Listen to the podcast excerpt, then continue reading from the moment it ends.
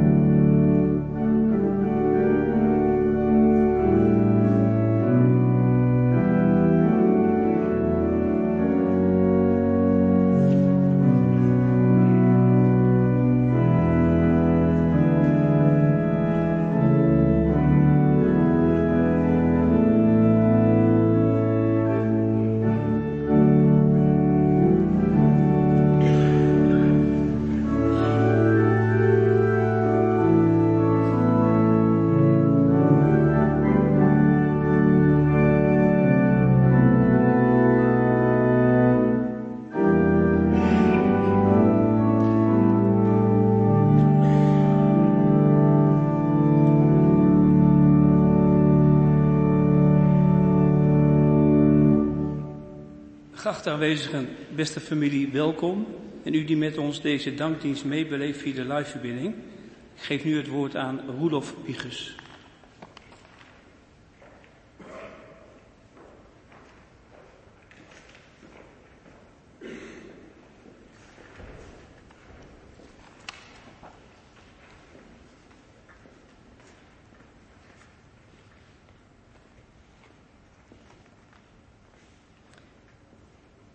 Lieve mensen, lieve genodigden. Heel fijn dat jullie met ons en met elkaar willen meeleven door samen het afscheid, eh, afscheid te nemen van mijn moeder, Geertje Wiegers Vis. En voor mij, wie mij niet kent, ik ben Roelof, haar jongste zoon. Hoe je hier ook bent, als familielid, vriendin, vriend, verzorger, hulp, ambtsdrager, Kennis, gemeente of kringlid, hoe dan ook, heel hartelijk welkom. Weet dat we je aanwezigheid zeer waarderen. Zie je de bijeenkomst via de livestream, tegelijk met ons of achteraf ook hartelijk welkom. En als laatste heet ik ook graag onze familie Overzee welkom.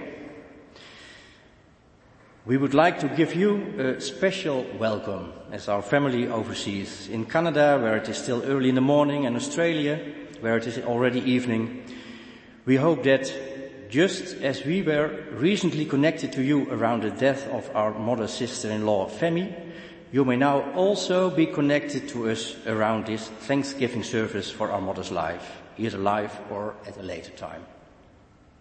Our warmest greetings to each and every one of you. God bless you.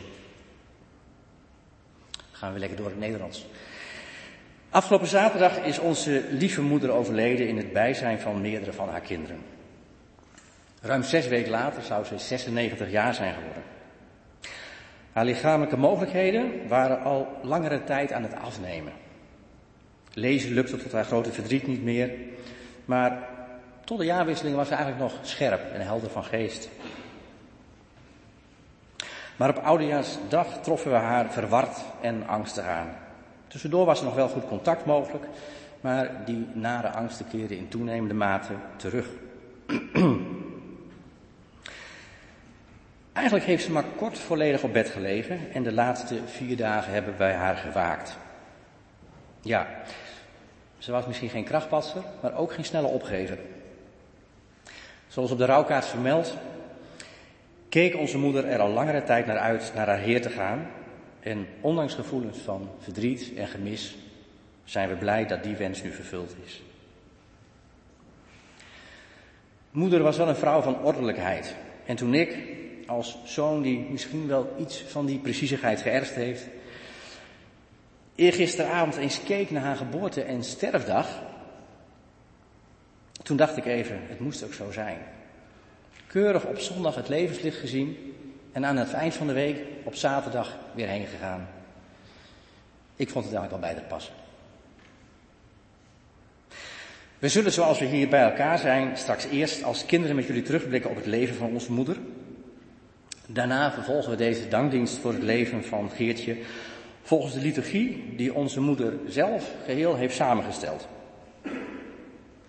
Toen ik die eigenlijk al kant-en-klare liturgie, die onze moeder uh, dus samengesteld heeft, rustig doorlas thuis, kwamen bij mij eigenlijk voor de eerste keer echt flinke tranen. En niet zozeer om een bepaalde tekst of lied, maar omdat ik dacht, dit is zo maar. Zo'n inkijk in hoe zij haar doorleefde en uiteindelijk hoopvolle geloof in God ervoer. In de geest van mijn moeder zal er gezongen en gebeden worden en zal op haar verzoek de meneer Volkers hier en bij het graf een bijdrage leveren. Ook vanaf hier onze dank dat u die wens wilde inwilligen. Of je nu het geloof van onze moeder deelt of niet, even welkom. En voel je vrij om op je eigen manier deze dienst te beleven en aan de verschillende onderdelen al dan niet actief mee te doen. Wees gewoon jezelf. Ik geloof dat we mogen leven en hier ook samen zijn in de afhankelijkheid van God. Wat ik graag wil verwoorden met de eeuwenoude, bemoedigende Bijbelse woorden. Onze hulp is in de naam van de Heer, die hemel en aarde gemaakt heeft. Die trouw houdt tot in eeuwigheid en niet laat varen de werken van zijn handen. Ik wil graag voorgaan in gebed.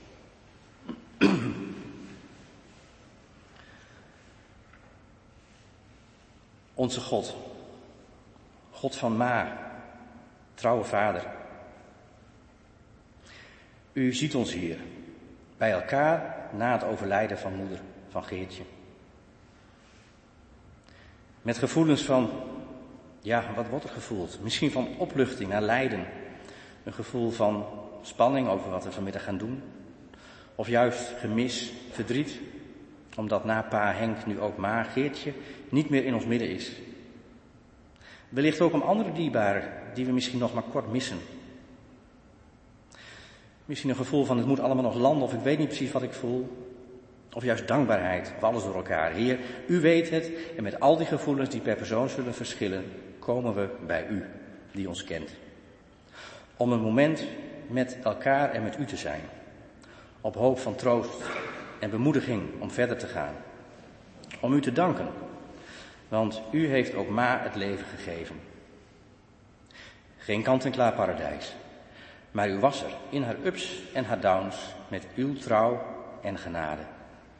Met uw liefde en dat mocht zij geloven, leven en doorgeven aan ons die zij het leven gaf. Dank u wel dat we naast u ook elkaar hebben en niet alles in ons eentje hoeven te beleven. Heer, wees hier bij ons met uw geest. Geef ons alstublieft kracht bij wat we gaan doen. Geef ons uw zegen en zegen dominee Volkers als hij zijn woorden spreekt hier en straks bij het graf. En laat ons zo ma in rust gedenken en dankbaar van haar afscheid kunnen nemen. Dank u dat we door onze Heer Jezus ook hoopvol over het graf heen mogen kijken. Heer van het leven, uw naam zij geprezen. Amen. Nu zullen achtereenvolgens mijn zus Janneke mijn broer Geert en ik ieder op onze eigen manier terugblikken op onze moeder en haar leven.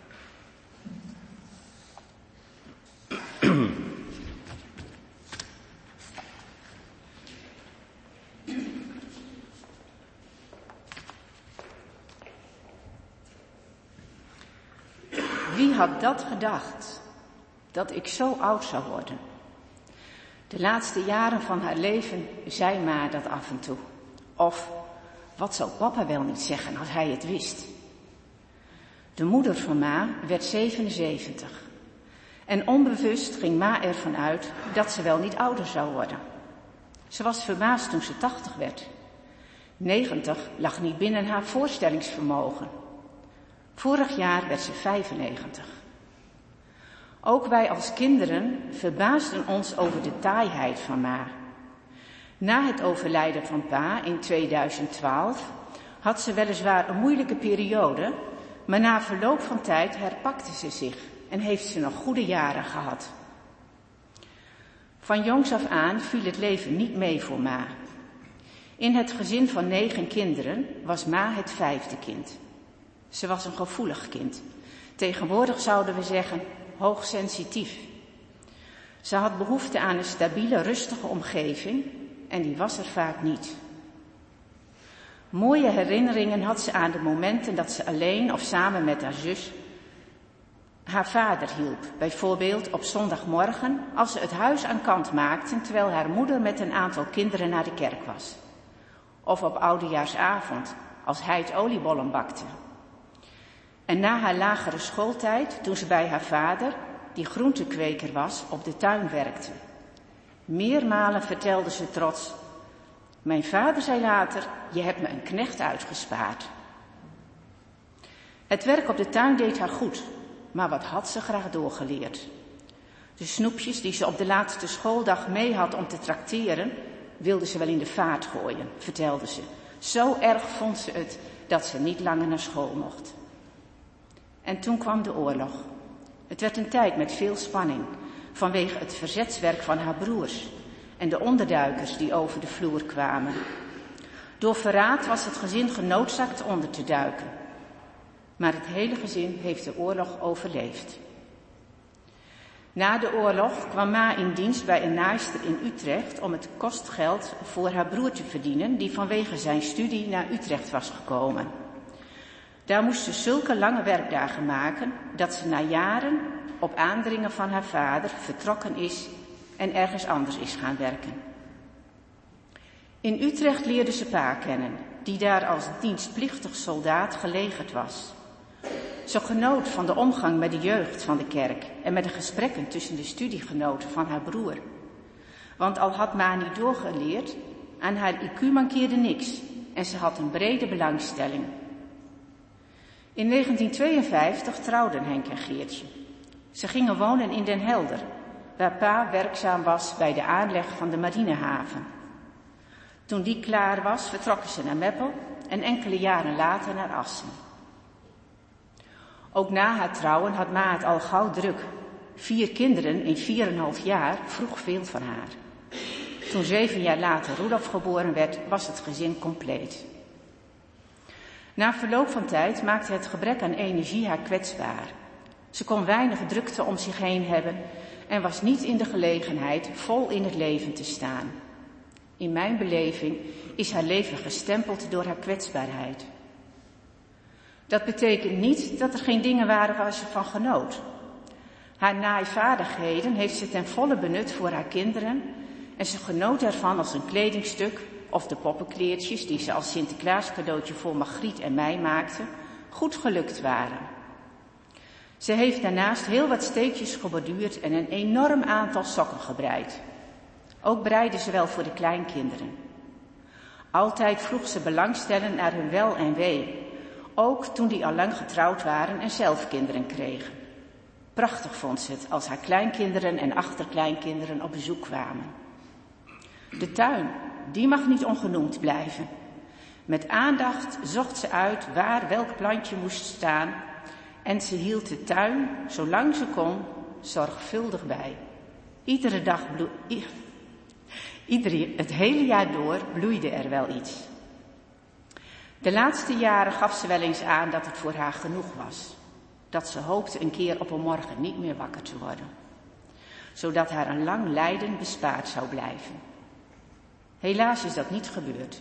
Ze ging zowel fysiek als mentaal steeds meer achteruit, tot ze niet meer de kracht had om nog uit bed te komen. We zijn dan voor Ma ook heel blij dat deze moeilijke tijd achter haar ligt en dat ze nu in de werkelijkheid mag leven waar ze vaak over in de Bijbel las. Over het kerstkind dat beloofd werd en gekomen is, opdat een ieder die gelooft niet verloren gaat, maar eeuwig leven heeft, zoals in de Bijbel staat. Over de betere wereld die ze na dit leven verwachten. Een wereld zonder schuld en zonder onvolkomenheid. Nu zal Geert een bijdrage leveren.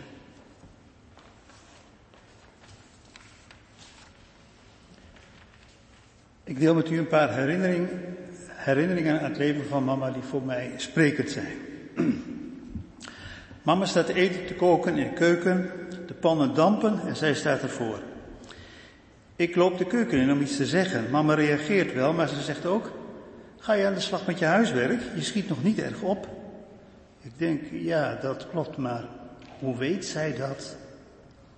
Het is een plaatje voor mij dat voor mij de betrokkenheid van mijn moeder weergeeft.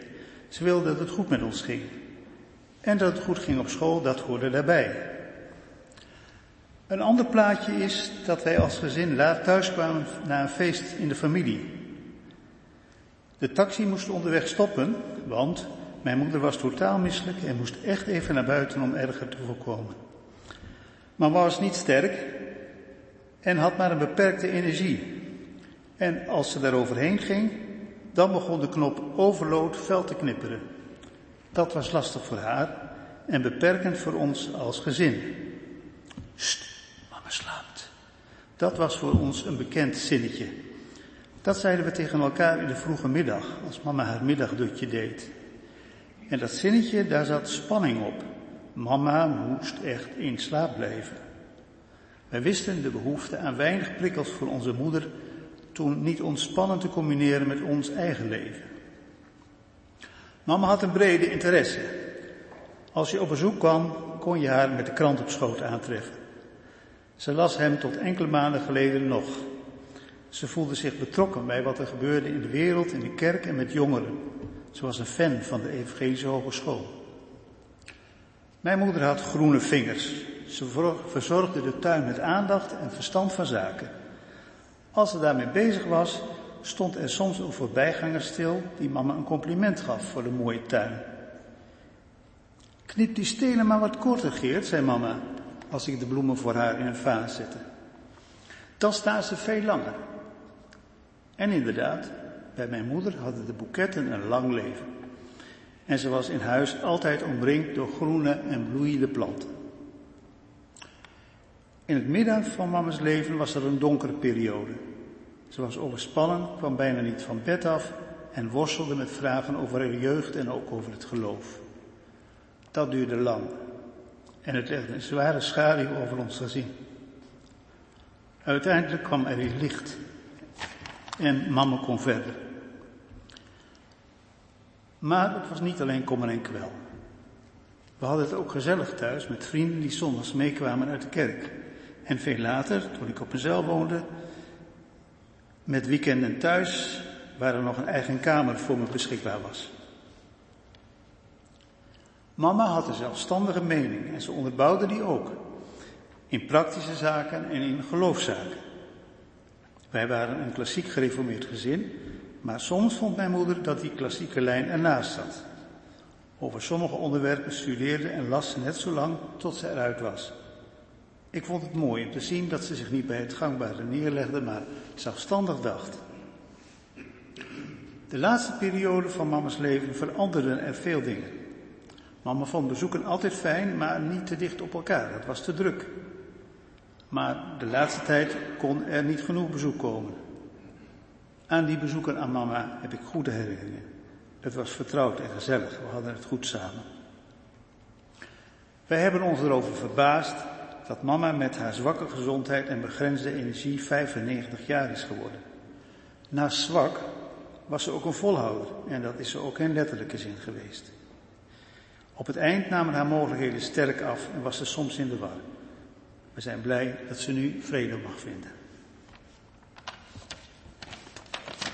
Roelof zal verder gaan.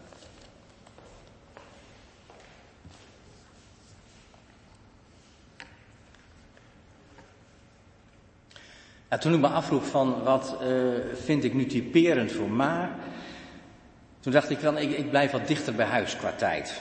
Ja, je moet ook wat als jongste natuurlijk. Uh, want ondanks dat haar, en ik denk daarmee ook onze levens, wel getekend zijn door haar moeite om ontspannen in het leven te staan en vaak weinig energie hebben, soms serieus depressieve perioden, heb ik mijn moeder met name de laatste jaren al meer ervaren als een vrouw die me steeds weer verraste. Die niet naarmate dat ze ouder werd meer vastgeroest raakte, maar zich juist bleef oriënteren en ontwikkelen. En die genoot van lekkere verrennerijen en gezelligheid. Een paar anekdotes. Ik bracht al op wat latere leeftijd een vrouw in onze familie die, ik zal het voorzichtig zeggen, maar misschien wat rebelser en veel kleuriger was dan we bij ons thuis gewend waren. Zou dit enkele decennia eerder zijn gebeurd, dan was het vast nog wel een dingetje geweest dat zij, ondanks gelovig, toch niet gereformeerd vrijgemaakt was. Maar nu, een goede 25 jaar geleden, leek dat totaal niet uit te maken. Toen ik er zelf eens over begon, leek mijn moeder zich eigenlijk niet eens voor te stellen dat dat een issue kon zijn. Hoezo? Wat was er nou mis met Ineke? En waar vroeger haar al snel iets te veel was, als ik nu aangaf dat we langs wilden komen, en me haast automatisch afvroeg van, zou dat kunnen? Zou ze niet al te veel bezoek hebben gehad? Dan zei ze, maar je neemt toch wel Ineke en de jongens mee? Dan ben ik maar een paar dagen van de kaart. Maar ik wil je wel zien hoor. En dan kwamen en dan groepten ze mij haast achterloos om vervolgens met wijd open armen Ineke en de jongens in de armen te sluiten. Het heeft me verrast en goed gedaan dat. Uh, even kijken, was ik gebleven? Ja, het heeft me verrast en goed gedaan dat mijn vrouw, die uh, zo die spontaniteit en liefde van mijn moeder heeft mogen ervaren en mocht beantwoorden, terwijl ze zelf maar ongeveer half zo lang van haar eigen moeder heeft kunnen genieten. We haalden recent nog eens wat herinneringen op aan mijn vader en ik vroeg haar of ze na zoveel jaar nog vaak aan hem dacht en op wat voor manier ze hem nu miste. Zeker dacht ze nog aan hem. Maar al snel volgde, maar hij zou nog wel eens raar kunnen staan te kijken als hij hier nu was. Want ik ben over sommige dingen wel anders gaan denken. En ik zou maar niet zomaar meer met hem meegaan. Maar dat zou wel wennen voor hem zijn. En ik hoop dat dit niet uh, al te chockerend en onthullend voor jullie wordt, maar bij de laatste Tweede Kamerverkiezingen presteerden ze het om altijd, om als altijd trouw GPV en ChristenUnie stemmen te overwegen om een stem uit te brengen op GroenLinks PvdA. Want het waren rare tijden en er moest er strategisch gestemd worden. Nou, gelukkig is ze net op tijd teruggekeerd van die dwaalweg. Ik zou meer verrassende anekdotes kunnen oprakelen uit de laatste jaren. Hoe weinig mannelijke predikanten konden tippen aan die vrouwelijke voorganger. Die het toch zo goed kon zeggen. En al was dat ambt dan misschien niet voor haar bedoeld. Maar er waren toch geen reden meer om uh, problemen over te maken of uit elkaar te gaan. Natuurlijk is mijn moeder in haar laatste jaren niet ineens in alles 180 graden gedraaid, maar ook gewoon de geertje gebleven die ze was. En ze is gelukkig trouw gebleven aan haar geloof in God. En misschien wel het meest kenmerkende wat ze me daarin meegegeven heeft, was wat ze me als puber al zei. Je moet dingen niet aannemen omdat de dominee het zegt, Roelof, maar omdat je het zelf hebt onderzocht en overtuigd bent geraakt.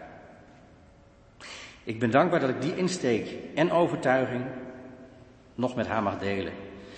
En heb persoonlijk juist haar laatste jaren ervaren als een dierbare toegift die ik voor geen goud had willen missen. Mijn zus Margriet zal een gedicht voordragen.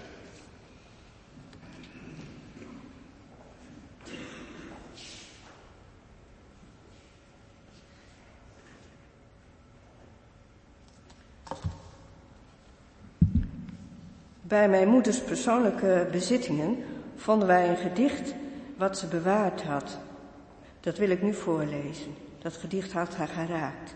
Het is een gedicht van Fiet van Beek en het gaat, is naar aanleiding van Johannes 20, vers 19 tot 23. Ik vroeg een mens wat vrede is. Ze zei, als er geen ruzie is. Ik vroeg het aan een oude man. Hij zei, als ze niet schieten. Ik dacht, wat het niet is, lijkt me duidelijk. Maar wat is het dan wel?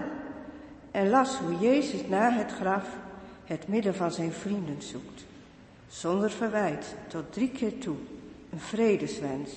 Ik dacht dat hij nog gaat naar hun verraad en las hoe hij zijn kracht in wonden toont.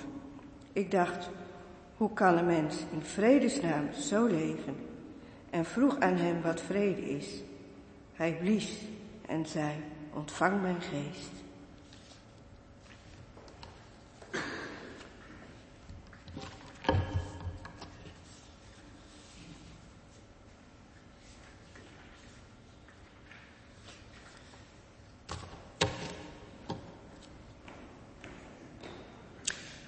Zullen nu gaan uh, zingen. U kunt het verder volgen in de liturgie en via de beamer. Lied 513.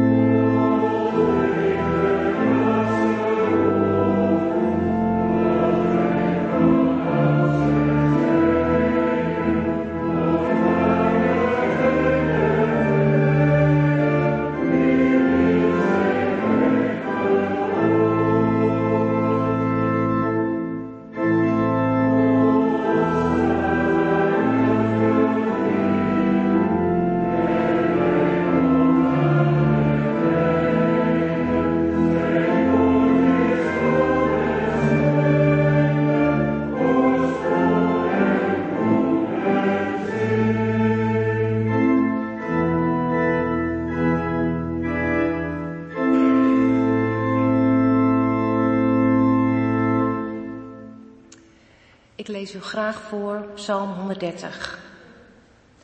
Een pelgrimslied. Uit de diepten roep ik tot u, Heer. Heer, hoor mijn stem. Wees aandachtig.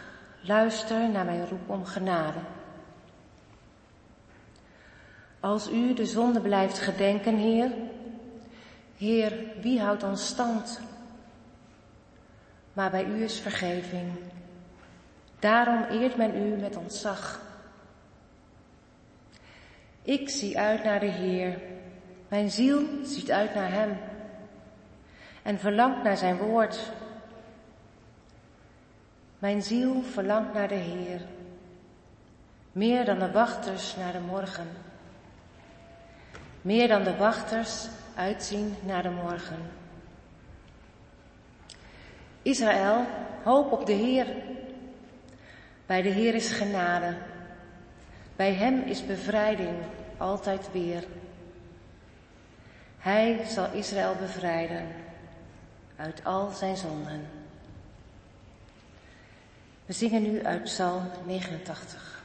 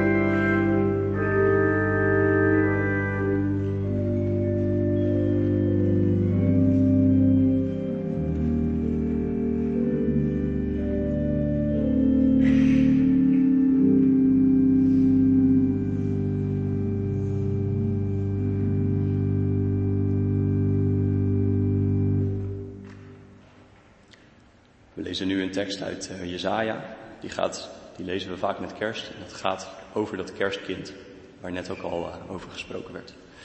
Jezaja 9. Een kind is ons geboren, een zoon is ons gegeven. De heerschappij rust op zijn schouders. Deze namen zal hij dragen. Wonderbare raadsman, goddelijke held, eeuwige vader vredevorst. Groot is zijn heerschappij. Aan de vrede zal geen einde komen. Davids troon en rijk zijn erop gebouwd. Ze staan vast in recht en in gerechtigheid. Van nu tot in eeuwigheid. Daarvoor zal hij zich beijveren, de Heer van de hemelse machten. Lezen we verder uit Johannes. Want God had de wereld zo lief dat hij zijn enige zoon heeft gegeven, opdat iedereen die in hem gelooft niet verloren gaat, maar eeuwig leven heeft. En dan zingen we verder uit Psalm 89.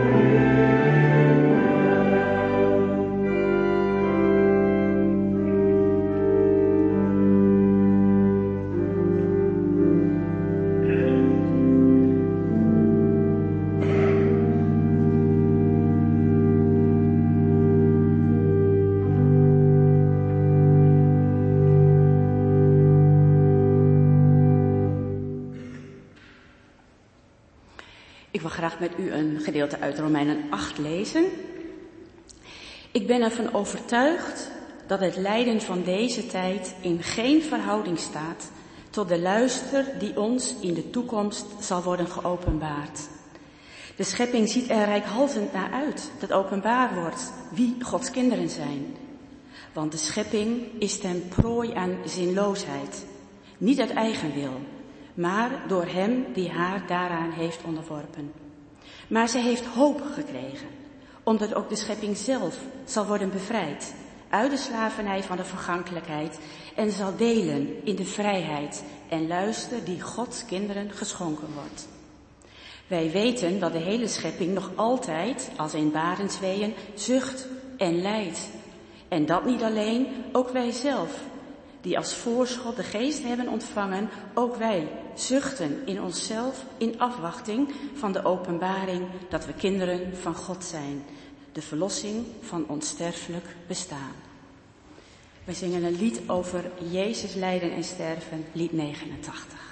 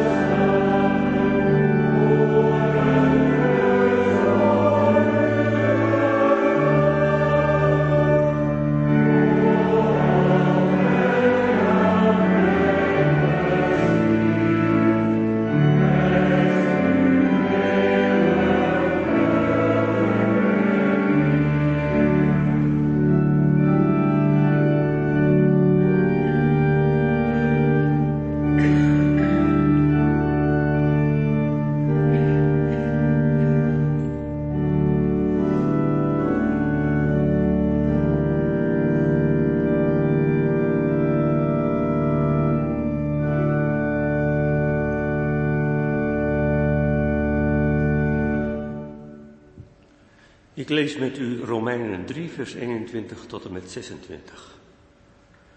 Maar nu is Gods gerechtigheid, waarvan de wet en de profeten al getuigen, zichtbaar geworden buiten de wet om. God schenkt vrijspraak op grond van het geloof in Jezus Christus. Aan allen die geloven. Er is geen onderscheid, want iedereen heeft gezondigd en ontbeert de nabijheid van God. En iedereen wordt uit genade rechtvaardig verklaard. Om niet, dankzij de verlossing door Christus Jezus. Hij is door God aangewezen om door zijn dood het middel tot verzoening te zijn voor wie gelooft. Hiermee toont God zijn gerechtigheid, want in zijn verdraagzaamheid gaat hij voorbij aan de zonden die in het verleden zijn begaan, om nu in deze tijd zijn gerechtigheid te bewijzen. Hij laat zien dat hij rechtvaardig is door iedereen vrij te spreken die in Jezus gelooft. Nu zal dominee Volkers een overdenking geven.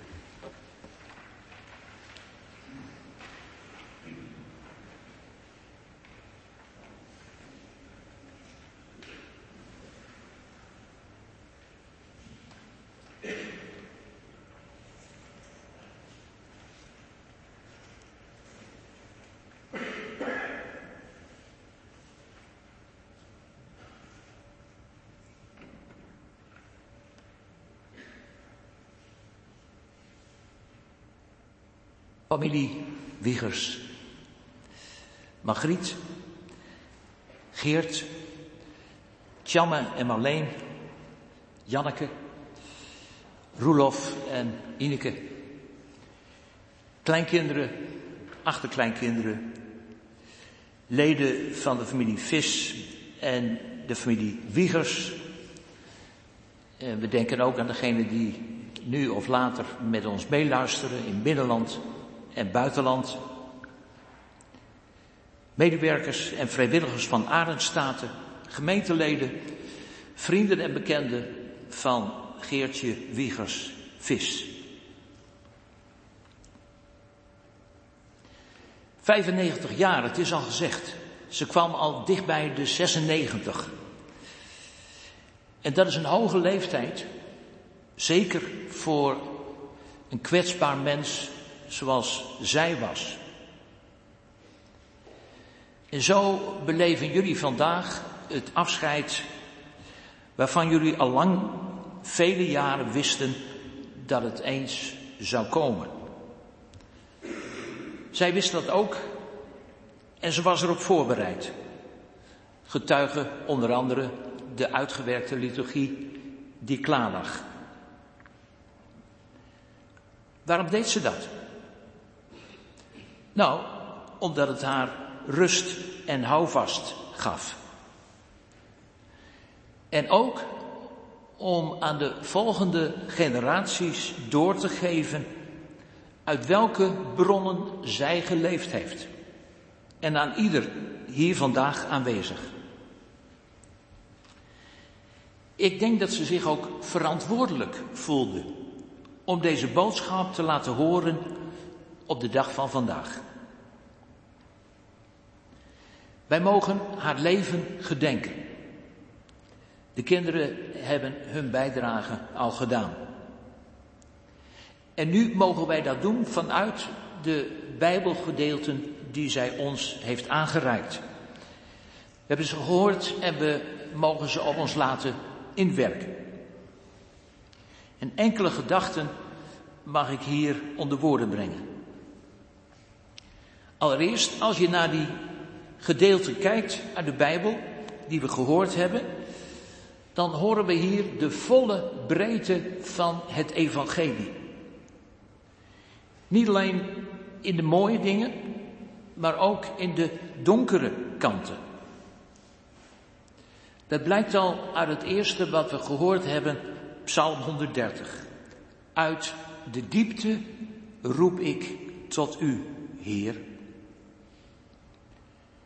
Het leven is niet alleen maar feest. Dat heeft zij in de Bijbel gelezen. En ze heeft het ook in haar eigen leven ervaren. We hoorden over donkere periode die zij gekend heeft. Zij heeft niet de onbezorgde jeugd gehad die wij velen en liefst iedereen toewensen. De oorlogsjaren sprongen er wat dat betreft wel uit. En ook later was het leven voor haar niet rimpelloos. Ze leefde ook niet gemakkelijk. Voor zichzelf niet. En dat had ook zijn weerslag op jullie, kinderen. Maar één ding stond en staat vast. Ze wilde dicht bij de Here leven. Ook als dat leven zich voltrok tijdelijk of langer in de diepte. En het mooie van Psalm 130 is dat er niet alleen over donkerheid en diepte wordt gesproken, maar ook over uitzicht, over hoop. Het zijn niet alleen uiterlijke moeilijkheden die aan de orde komen in Psalm 130, maar er wordt ook dieper getast. Donkerheid en diepte komen voort uit zonden van mensen. En daarom is dit lied ook een roep om genade, om vergeving. En die zal zeker komen. Dat mocht de pelgrim die dit zong zeker weten. Want hij was op weg naar Jeruzalem. In Jeruzalem, daar stond de tempel, dat was de plaats van de verzoening. God is een God van liefde en van genade. En dat mag ook vandaag ieder weten die zijn reis door dit leven maakt. Want pelgrims zijn wij allemaal. Zonde en gebrokenheid hebben niet het laatste woord. Er is licht aan de horizon. Er is vergeving en genade dichtbij.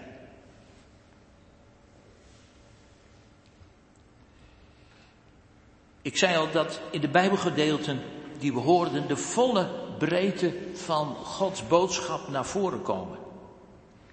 Dat zie je uit de keuze Oude Testament en Nieuwe Testament. Het Oude Testament is de tijd voor de komst van Christus. Maar daarin wordt hij al wel aangekondigd. Zoals in Jesaja 9. Het is opvallend hoe juist Jesaja vaak en hoe precies hij gesproken heeft over de komst van de Verlosser. Hier in hoofdstuk 9 wordt zijn vrederijk getekend.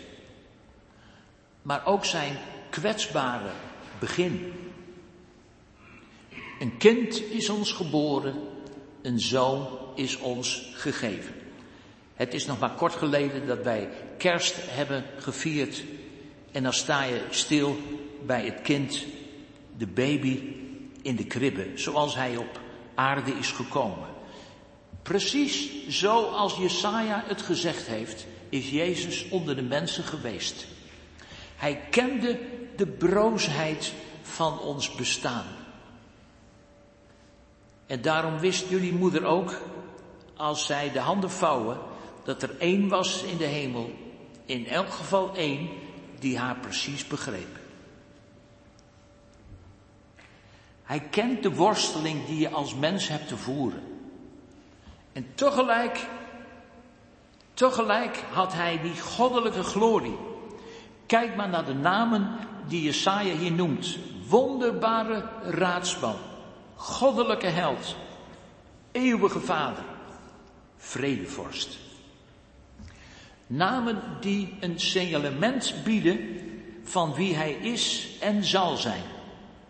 Hij is de vervulling van wat God ouds, van ouds beloofd heeft, al aan Abraham, Isaac en Jacob. Hij laat in eigen persoon zien dat God altijd doet wat hij beloofd heeft. Dat hij zijn beloften waarmaakt, dat hij trouw is, dat je op hem aan kunt.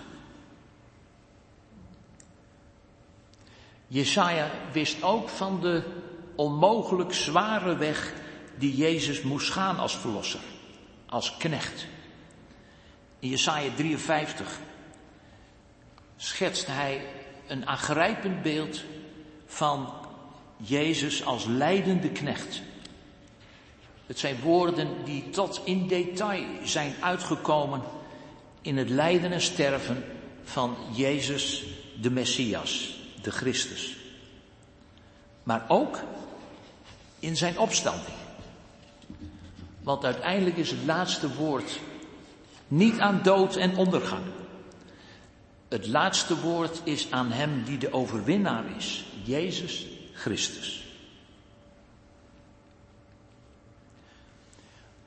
Je kunt je afvragen, wat bewoog God eigenlijk om dit te doen en om dit zo te doen? Het antwoord vinden we in wat misschien wel de mooiste tekst van de Bijbel is, Johannes 3, vers 16. Want God had de wereld zo lief dat Hij Zijn enige zoon heeft gegeven. Opdat iedereen die in Hem gelooft niet verloren gaat, maar eeuwig leven heeft. Onze God is niet uit op de ondergang van mens en wereld, maar juist op redding en behoud. En hij wijst ons ook op de reddingsboei daarvoor. Het geloof in Christus en zijn volbrachte werk. Jullie moeder en oma mocht daarbij uiteindelijk haar rust vinden. En dat in een leven en in een wereld die veel onrust kende. Het menselijk hart kent soms veel vragen. En kan ook gekweld worden door dingen waar je niet uitkomt en die onoplosbaar lijken.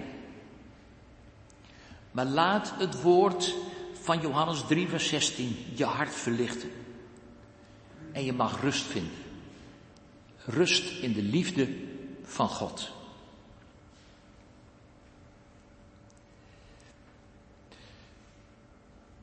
Er staat heel wat in de Bijbel. Dat is niet op één formule terug te brengen. En het is ook niet zo eenvoudig dat je op elke vraag zomaar een antwoord vindt. Soms heb je meer woorden nodig. Omdat het leven vaak ingewikkeld is. Paulus heeft dat in zijn brief aan de Romeinen ook laten merken. Door de schepping, door de wereld waarin wij leven, lopen scheuren en barsten. Het klopt soms gewoon niet. Het klopt vaak niet. En zeker niet met de oorspronkelijke bedoeling. De schepping is ten prooi aan de zinloosheid, lezen we. En als je de wereld van vandaag om je heen kijkt, dan hoef je dat niet meer uit te leggen. Maar tegelijk, en dat leren we hier als we deze woorden op ons laten inwerken, mag je naar de wereld en je eigen leven ook kijken met de ogen van geloof. Het lijden van deze tijd, het weegt niet op tegen de heerlijkheid die komt. Het zuchten van de schepping dat er is, dat is niet zonder hoop. Het is te vergelijken met een barende vrouw die uitziet naar nieuw leven. Dat is het wat jullie moeder en oma wilden doorgeven. En als moeder van meerdere kinderen wist zij waar ze het over had. Ook als het ging om pijn en verdriet daarbij. Het leven kan moeilijk zijn, maar nooit zonder hoop. We gaan naar het laatste gedeelte uit Romeinen 3. En dat is op het eerste gezicht misschien een van de moeilijkste stukken die we gelezen hebben. Het gaat hier eigenlijk om de vraag hoe je behouden wordt. Is dat op eigen kracht, door goed te leven? Nee, zegt de apostel. Dat is een onmogelijke weg.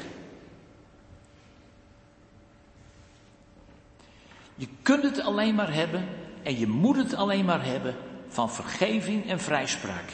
Die je krijgt dankzij Jezus Christus. Het leven als een geschenk. De verlossing is een geschenk door het geloof en dat is ook een geschenk. Dat is wat, als je dat op je laat inwerken. Mag ik het dus zo zeggen? Voor een vrouw die verantwoordelijkheid hoog in het vaandel, heel hoog in het vaandel had geschreven, ligt dit niet bepaald voor de hand. Als je je leven geworsteld hebt om grip op de dingen te krijgen, om grip op het leven te krijgen, dan is deze weg ingewikkeld. Want je maakt je voor 100% afhankelijk. Je moet het hebben van vertrouwen. Maar ze deed het wel. Vertrouwen. Vertrouwen op God. Vertrouwen op de Heer Jezus. En als je, God dank, kunt vertrouwen, dan leer je ook loslaten. En overgeven. Misschien moest ze daarom wel zo lang leven. Om dat te leren. Loslaten en overgeven. Want als er één ding is wat je moet leren bij het ouder worden, dan is het wel dit. Loslaten en overgeven. Veel mensen zeggen, als het gaat om het ouder worden, dat is, dat is de afbraak van het menselijk bestaan. Daar is niks goeds van te zeggen, niks positiefs. Het is de afbraak van de menselijke waardigheid. Maar in het geloof kun je er ook anders naar kijken. Dat je namelijk steeds dichter bij de kern en de bron van je leven komt. Jullie hebben verteld dat de laatste jaren die zij had niet de minste waren. Voor haar niet en voor jullie ook niet. Er kwam meer rust en overgave. En daarin mag je iets zien van de woorden van Jezus. Kom tot mij, allen die vermoeid en belast zijn. Ik zal je rust geven. Kom nou maar. En ervaar de rust nu maar die ik geef. Diezelfde rust, die zocht ze en vond ze ook in de natuur. Eigenlijk haar hele leven. De wereld van bloemen en planten. Haar tuin was, jullie zeiden het soms, een paradijs. Ik denk dat dat omgaan met de natuur voor haar meer was dan een natuurverschijnsel. Ze zag daarin ook de hand van haar schepper. En daarom eindig ik met de woorden van dit lied. Laat dan mijn hart u toebehoren. En laat mij door de wereld gaan met open ogen en open oren om al uw tekens te verstaan. Dan is het aardse leven goed, omdat de hemel mij begroet. Amen. thank you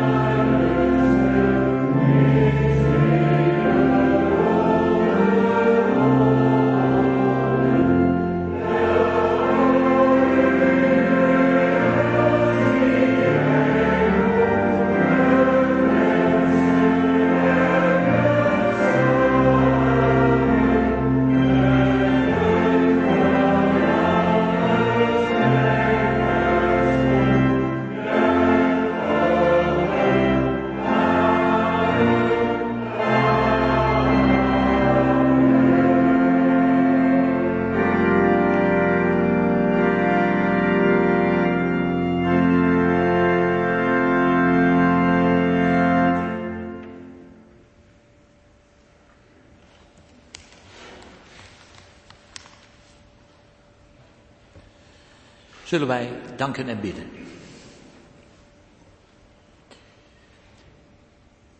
Ja, Heer, er is veel reden om u te danken. Danken voor het leven zoals u het gegeven hebt aan Geertje Wiegers Vis. Wij danken u dat zij in de hoop op het eeuwige leven in deze wereld mocht komen, daarin mocht worden opgevoed, daarin mocht begeleid worden op weg ook naar een eigen persoonlijke keus voor u. En we danken u dat u haar bij dat geloof haar leven lang hebt bewaard. Dat was haar anker in alle dingen die ze meemaakte. Wij danken u ook voor wat zij heeft mogen betekenen in het ouderlijk gezin, voor haar broers en zussen, in de oorlogsjaren en ook later in het huwelijk met haar man en voor de kinderen en kleinkinderen. Heren, wij hebben ook gehoord dat zij kwetsbaar was. Dat was ook iets wat ze haar leven lang heeft meegedragen. Dat heeft haar leven ook gestempeld. Maar in alle kwetsbaarheid mocht zij haar kracht zoeken en vinden bij u. En wij danken u dat ze dat op haar eigen wijze ook heeft mogen doorgeven en mogen voorleven. Heren, wij zijn dankbaar dat zij een hoge leeftijd mocht bereiken en dat ze zelfs in de laatste jaren nog uw nabijheid heeft mogen ondervinden en dat ze ook goede jaren samen met kinderen en kleinkinderen heeft kunnen hebben. Heren, dat is een geschenk van u.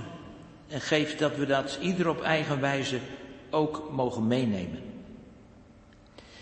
We danken u, heren, voor de verbondenheid die zij met u en ook met de mensen om haar heen heeft mogen ervaren. We danken u dat uw woorden met haar zijn meegereisd door het leven heen en dat ze daar altijd ook weer inspiratie in zocht en ook vond en dat ze ook de energie had om daar voortdurend mee bezig te zijn en onderzoek te doen naar wat u werkelijk bedoelde te zeggen. We danken u, heren, dat wij niet alleen op zwakheid en kwetsbaarheid mogen zien, maar ook op grote kracht die u in het geloof hebt gegeven. Dat wij mogen zien op Jezus Christus, die in alle zwakheid door de dood is heen gegaan, maar ook in alle kracht is opgestaan als overwinnaar en ons doet delen in die overwinning. Geef heren, kon het zijn dat ieder in eigen leven dat ook mag ontvangen en mag ervaren. Sterk ons en wijs ons de weg. Wij bidden u om troost en kracht voor de familie, ook de familie in het buitenland, die zo lang met haar verbonden zijn geweest, geeft u ieder in eigen leven uw nabijheid. Als wij verder gaan als volgende generatie en generaties, wijs ons dan de weg, Heer, en geef dat wij diezelfde kracht waaruit zij heeft mogen leven, ook in ons leven mogen ervaren. Sterk ons als wij straks naar de begraafplaats gaan om haar lichaam aan de aarde toe te vertrouwen, maar tegelijk daar bovenuit te zien op Jezus Christus, die de dood heeft overwonnen en ons in die opstanding en het nieuwe leven ook wil laten delen. Wilt u ons dank aannemen, ons bidden en danken horen om Jezus wil. Amen.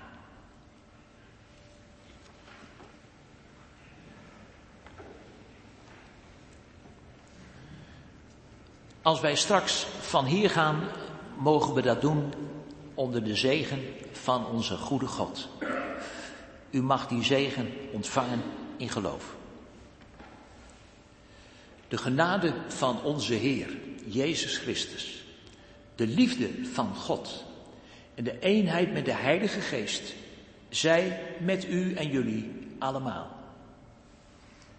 Amen.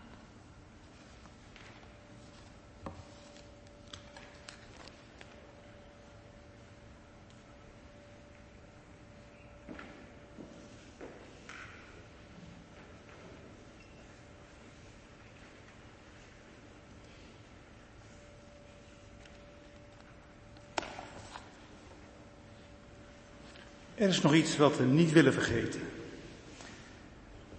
Ik wil de personeelsleden van Arenstaat hier heel hartelijk bedanken. Zoveel zorg en aandacht gaven jullie en dat met rust, terwijl we weten dat de anderen ook op jullie wachten. Ook in de laatste week, toen mijn moeder op bed lag, zorgden jullie met liefde voor haar. Dat heeft ons erg goed gedaan. Rennie, je bent een vertrouwde hulp voor mijn moeder geworden. Je zorgt niet alleen voor de boodschappen en een schoon huis, maar maakt het ook gezellig voor mijn moeder. Dank je wel. Dikkie, wat een lieve en trouwe vriendin was je, met je wekelijkse bezoeken. Dat was geweldig. Je nam druiven mee uit je eigen tuin en nieuws vanuit de kerkelijke gemeente. Zo bracht je de buitenwereld mee waar mijn moeder weinig mee kwam. Ook de mensen die mijn moeder trouw kaarten hebben gestuurd, waaronder ook leden van de kring, wil ik hier graag noemen. Mijn moeder vond het fijn dat er zo aan haar gedacht wordt, werd. Dank jullie wel. Nu zal de uitvaartverzorger nog enkele praktische mededelingen doen.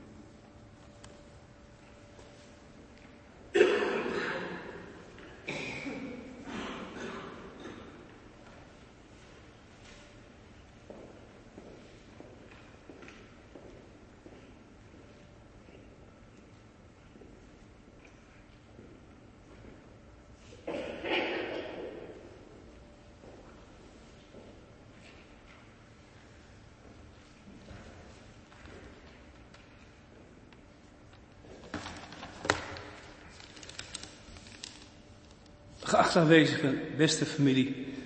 We zijn nu aan het einde gekomen van deze dankdienst. Zodra zullen we het lichaam van Geertje Wiegers naar het graf begeleiden. De graflegging vindt plaats op begraafplaats De Boskamp.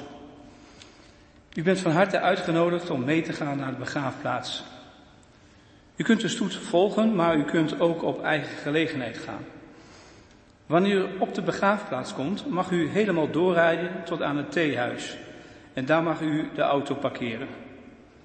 Voor degenen die slecht te been zijn, voor u geldt dat u mag meerijden achter de rouwstoet tot vlak bij het graf. Bij deze laatste gang van Geertje naar het graf mogen wij onze troost putten bij de woorden van de Heer Jezus die heeft gezegd in 1 Johannes, in Johannes 3 vers 16, want zo lief heeft God de wereld gehad, dat Hij zijn enige geboren zoon gegeven heeft. Opdat ieder die Hem gelooft niet verloren gaat, maar eeuwig leven heeft. Zo dadelijk breekt het laatste en moeilijke moment aan van afscheid hier op aarde. Het lichaam van Geertje zal deze zaal worden uitgedragen door haar kleinkinderen. En ik wil de overige familieleden vragen om daar direct bij aan te sluiten. Voor de, over, voor de andere aanwezigen wil ik vragen om nog even te blijven wachten, zodat de familie de gelegenheid heeft om zich gereed te maken om naar de begraafplaats te gaan. Daarna wordt u ook uitgenodigd om deze kerkzaal te verlaten. Na de graflegging bent u van harte uitgenodigd namens de familie om elkaar te ontmoeten in Hotel Assen aan de Balkenweg 1 te Assen. Mag ik nu de dragers vragen en uitnodigen om naar voren te komen en rondom de baard te gaan staan, alsjeblieft?